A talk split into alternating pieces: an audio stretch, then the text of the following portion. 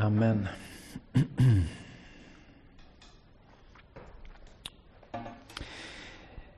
Ja, idag ska vi landa i eh, en text ifrån Gamla Testamentet.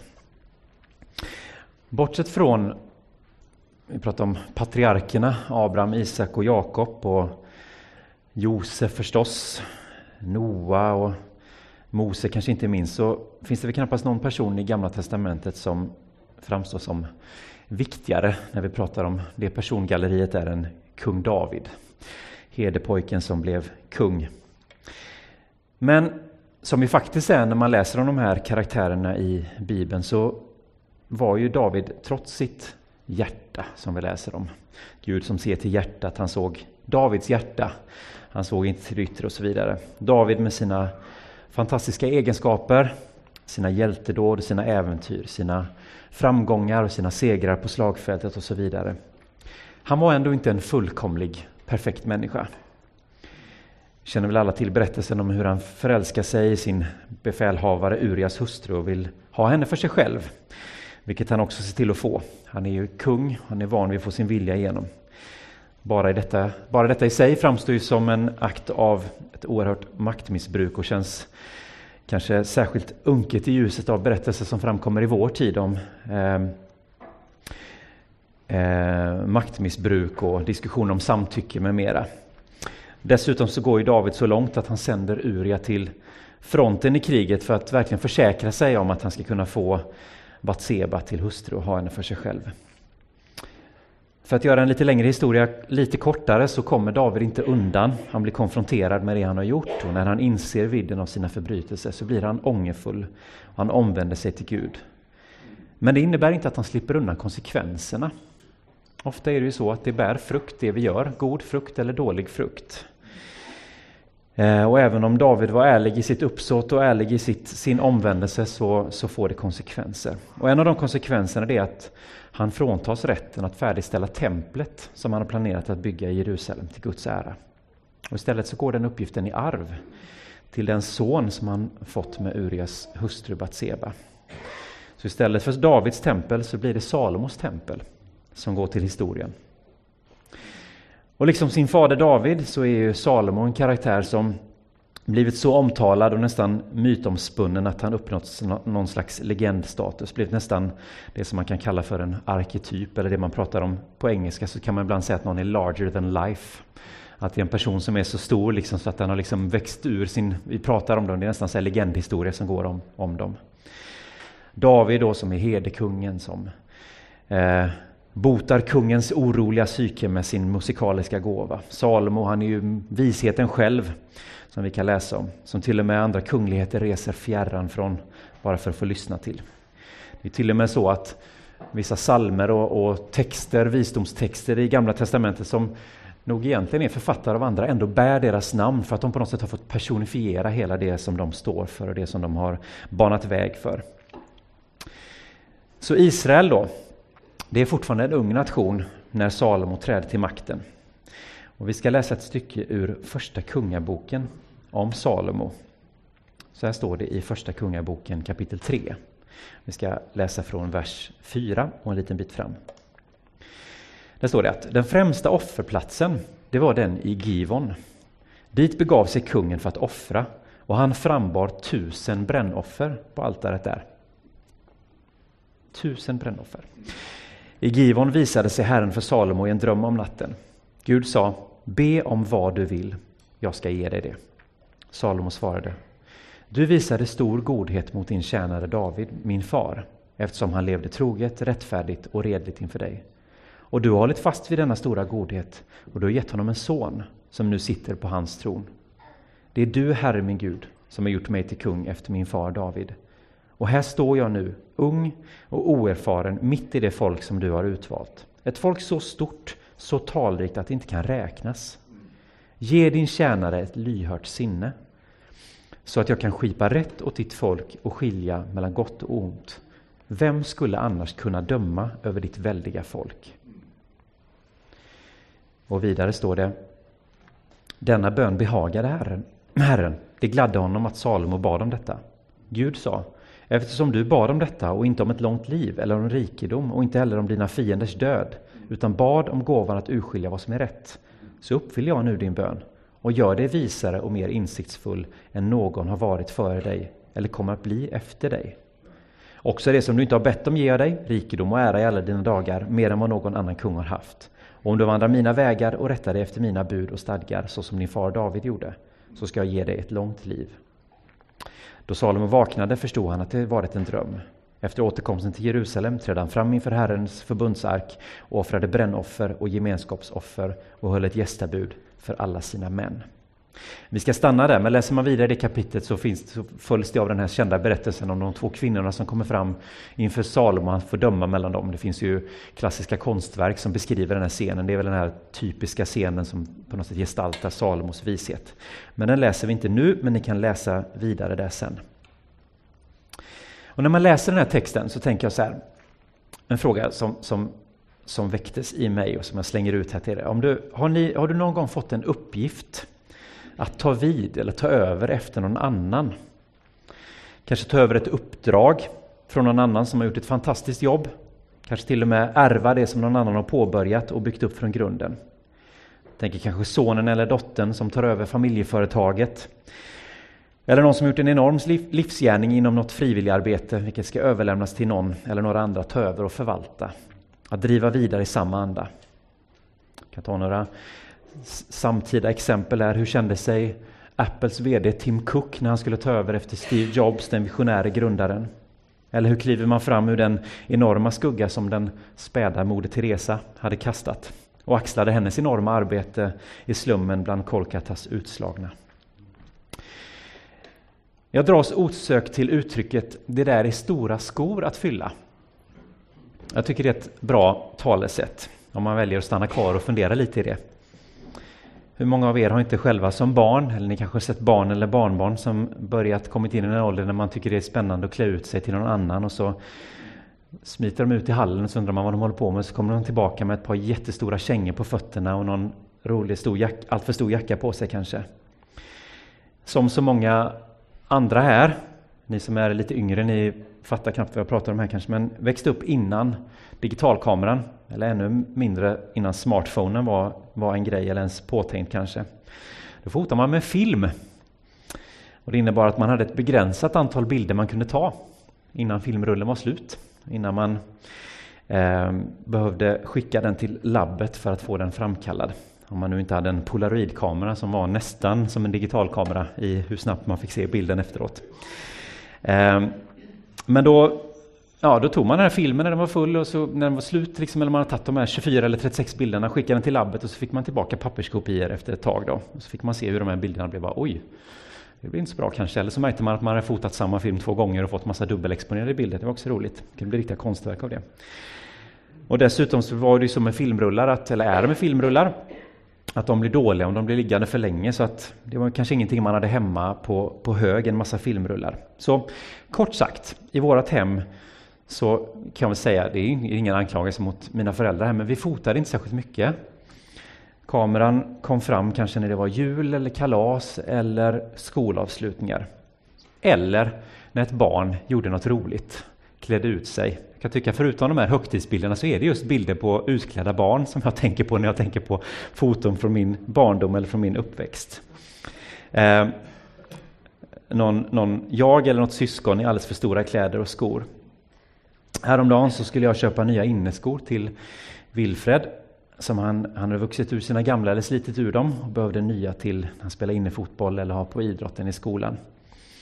Och när man köper kläder, då köper man ofta kläder som man tänker ska passa, eller hur? Det är ingen som kanske köper en så här, men jag köper en tre storlekar för stor tröja. Utan man köper kläder som ska passa. Det är ju sällan särskilt bekvämt att gå i kläder som är för små. Det är ett faktum som man tyvärr kanske får inse ibland när man upptäckt att plötsligt har hela ens garderob krympt. Jag tycker kanske personligen, det är min uppfattning, att det borde göras mer forskning eller att media borde mer uppmärksamma det här hur dagens klädföretag designar kläder som så småningom blir för små. Kanske framförallt kring mage och midja och sådär. Jag tycker det är väldigt märkligt och jag tycker att man borde gå till grunden med det. Ehm, Nåväl, nog om den saken. Men jag gjorde en reflektion där vid skohyllan när jag skulle köpa skor till Wilfred. Att När man köper kläder till barn, tänker jag nu, då köper man kläder som, som passar, för det mesta kanske. Um, man brukar ju um, jag vet inte hur ni tänker där, men eh, visst man kan ju ärva stora syskons kläder, men man brukar inte ha på dem förrän man har liksom vuxit i dem. Men nu är jag stor nog att ha, nu kan jag ha den här jackan, eller nu kan jag ha den här tröjan, eller de här byxorna, eller vad det nu kan vara.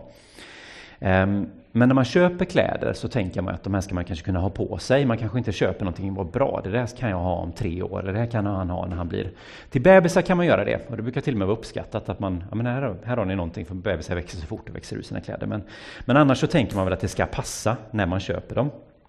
Men när det gäller skor, i alla fall till barn, så tänker jag lite annorlunda. Att man tänker att köper man gärna någon storlek större så att man inte behöver köpa nya skor direkt. För fötter de växer ju på längden framförallt kanske. Um, och då tänker man att ah, men jag köper en storlek större så håller de kanske några månader längre innan man behöver köpa nya. Även om inte det är optimalt så kan man ändå uthärda att ha en, en storlek för stort. Med tanken då att foten kommer fortsätta växa och den dagen då skon plötsligt är för, lite, för liten och börjar klämma, den hamnar liksom lite längre fram i tiden än, än allt för snart då. Och skor är ju kanske ofta en större investering än till exempel vad en tröja är. Men jag kunde ändå inte låta bli att reflektera över det. Att här köp, tittar man gärna på, ja de passar, ja men då köper vi en storlek större. Um, kanske inte en helt främmande tanke. Men det är, det är ju det som gör uttrycket stora skor att fylla till en så träffsäker och, och lite medvetet omstörtande bild. För det finns egentligen bara ett ordentligt sätt att fylla ett par skor som är för stora med. Det är ju att man faktiskt växer in i dem, eller hur? Hur gör man annars med för stora skor? Ska man fylla dem med grus? Ska man knöka tidningspapper i dem? Ja, det kan man göra om man inte om man inte kan lösa på annat sätt. Men annars så är det ju, du har ju fortfarande en alldeles för stor sko på foten. Du har ju bara fått hitta någon lösning för att försöka få det att känna som att de passar. Skon är ju egentligen inte anpassad för din fot. Jag kan tänka mig att den unge Salomo, han hade kanske fått växa upp med pappa Davids berättelse från ungdomen hur det var om de här dagarna av ensamhet ute i ödemarken med bara fåren som sällskap och möten med vilddjur, lejon och björnar kanske där ute i vildmarken. Kanske bad David att gång på gång få höra pappa berätta om hur han mötte och besegrade den stora jätten Goliat i Envig. Om hur han hyllades som hjälte av hela folket efter det. Kanske förundrade Salomo gång på gång hur David ratade kungens rustning och mötte jätten med bara en slunga och ett par släta stenar från bäcken.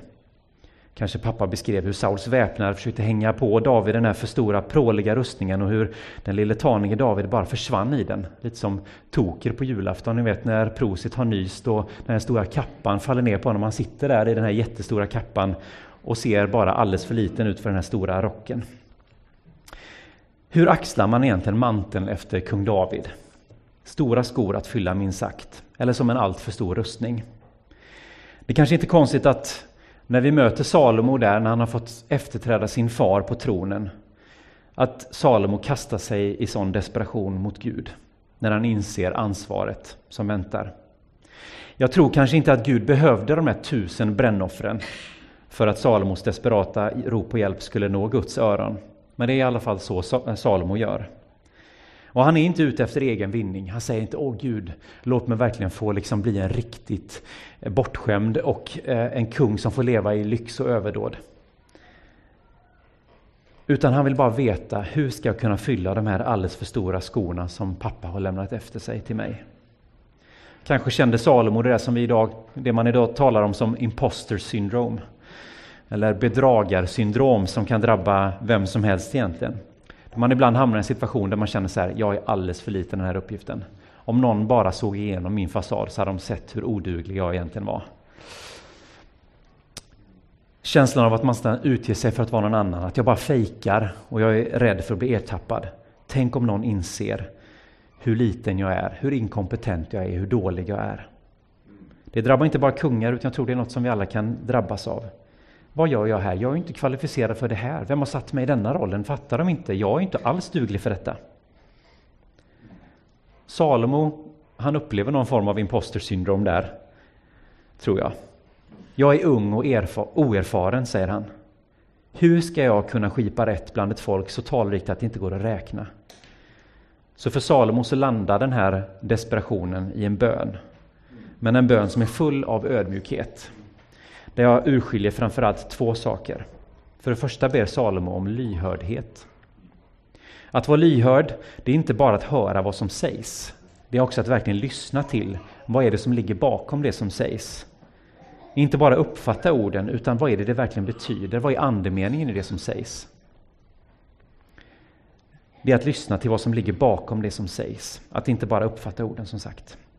Tänk om vi hade haft ledare, både i våra samhälleliga institutioner, i den privata företagssfären, i kyrkor och trosamfund, i små och stora organisationer, i föreningar och i familjer, där vi verkligen ansträngde oss, inte bara för att höra vad som sägs, utan att också verkligen lyssna. Som verkligen strävade efter att förstå och utgick från att tro det bästa om den andres avsikter och intentioner. Det är det Salomo ber om. Låt mig vara lyhörd. Låt mig känna in, låt mig förstå. Låt mig inte bara höra vad som sägs utan också liksom verkligen lyssna. Vad är det verkligen som sägs? Jag hör orden, men vad är det som ligger bakom detta? Salomo, han ber också om förmågan att skilja mellan gott och ont. Inte bara för sig själv att välja det rätta, utan också för att kunna skipa rätt. Du och jag kanske inte sätter oss till doms över andra, eller jag hoppas i alla fall att vi inte gör det utan vidare. Men han inser att den roll han har, den uppgift han har fått, så måste han kunna urskilja det goda och gå till rätta med det onda. Och även om Salomo inte själv använder ordet så är det vishet han ber om. Det är vishet som Gud ger honom som svar på den här bönen. En vishet som gör honom ryktbar vida omkring. Men visheten består i just detta. Lyhördheten, att lyssna in och urskiljningen att se vad som är gott och vad som är ont. Ofta vill vi kanske ha urskiljningen utan att ha lyhördheten, eller snarare vi har inte tålamodet för lyhördheten. För lyhördheten kräver att vi lyssnar och att lyssna kan ta tid. Men lyhördheten, det är det som kommer först. Och det, det, det är det Salomo har insett. Och han får vishet som svar, men jag tycker att det finns vishet i hans bön redan. Han inser att det är vis, lyhördheten som kommer först. För att kunna göra rättvisa bedömningar, för att kunna skilja mellan gott och ont, så måste vi också lyssna in. Vi måste få hela bilden. Vi kan inte fatta några förhastade beslut, eller vara snara att döma. Eller för att använda Jesu liknelse som vi pratade om i en tidigare predikan här i höst, att vi går inte ut och rycker bland ogräset för tidigt och riskerar att skada den goda skörden, utan vi låter det växa upp, vi låter det ta tid. Och sen ser vi, det här är gott, det här är dåligt. Och jag skulle vilja runda av den här predikan med, en, med att eh, be för detta och be för oss. För vi behöver vishet. Vi lever i en tid där vi inte lyssnar på varandra, för vi hinner inte lyssna på varandra. Vi ska snabbt reagera, komma med snabba reaktioner. Vi måste tycka och tänka om allting. Vi måste ha en uppfattning om saker och ting. Folk frågar oss, vad tycker du om detta? Och då måste vi ha svar. Snabbt. Men vi behöver ibland bara få säga, jag kan inte svara på det. Jag behöver lyssna in, jag behöver ha hela bilden innan jag kan fatta ett beslut. Jag behöver tänka igenom detta. Och ibland är det inte så enkelt som att bara välja mellan två poler, gott eller ont. Ibland är det en gråskala. Ibland kanske vi ser, jag kan se ett värde i detta, jag kan se ett värde i det andra också. Det finns styrkor och svagheter i båda alternativen. Då måste vi ha ett hel, helhetsseende. Men då måste vi också ta oss tid att ta in hela bilden innan vi kan fälla några domar. Så jag ber dig Gud, ge oss din vishet. Herre, jag tror att vi alla kan känna in oss i Salomos bön. Även om vi kanske inte identifierar oss som unga så kan vi ändå känna oss oerfarna ibland. Vi kan känna att vi inte har hela bilden. Vi kan känna att vi, vi är ute på tunn is, vi är ute på nytt område, vi är ute i obekant terräng. Vi kan känna att vi inte räcker till Gud. Vi kan känna att den här känslan av osäkerhet och otillräcklighet, otillräcklighet leder oss till att vi helst kanske vill bara backa undan, dra oss undan och hoppas att någon annan tar vid. Kan ingen annan ta det här istället? Jag är inte redo. Tänk om någon ser igenom min fasad. Eller så leder det oss till att vi fattar drastiska beslut, att vi bröstar upp oss eller börjar dominera andra för att slippa visa oss svaga och bristfälliga. Att vi kör över andra för att vi inte vågar vara ödmjuka inför uppgiften. Vi ber dig Gud, ge oss modet att utföra det som du har kallat oss till, varhelst vi befinner oss i livet. Vi ber dig om vishet, ge oss urskiljning, men inte urskiljning utan lyhördhet. Men ge oss också tålamodet som krävs för att vara lyhörd, för att våga ta tiden att lyssna in. Ge oss modet att göra rättvisa bedömningar, men också modet att avhålla oss från att utdela fällande domslut och att överlämna domen till dig, Gud. Ge oss lyhed, lyhördheten att förhålla oss till situationer där det inte är så enkelt som att dela upp saker i gott och ont, utan istället kunna ta in en verklighet som ofta är komplicerad och nyanserad. Herre, ge oss din vishet. I Jesu namn. Amen.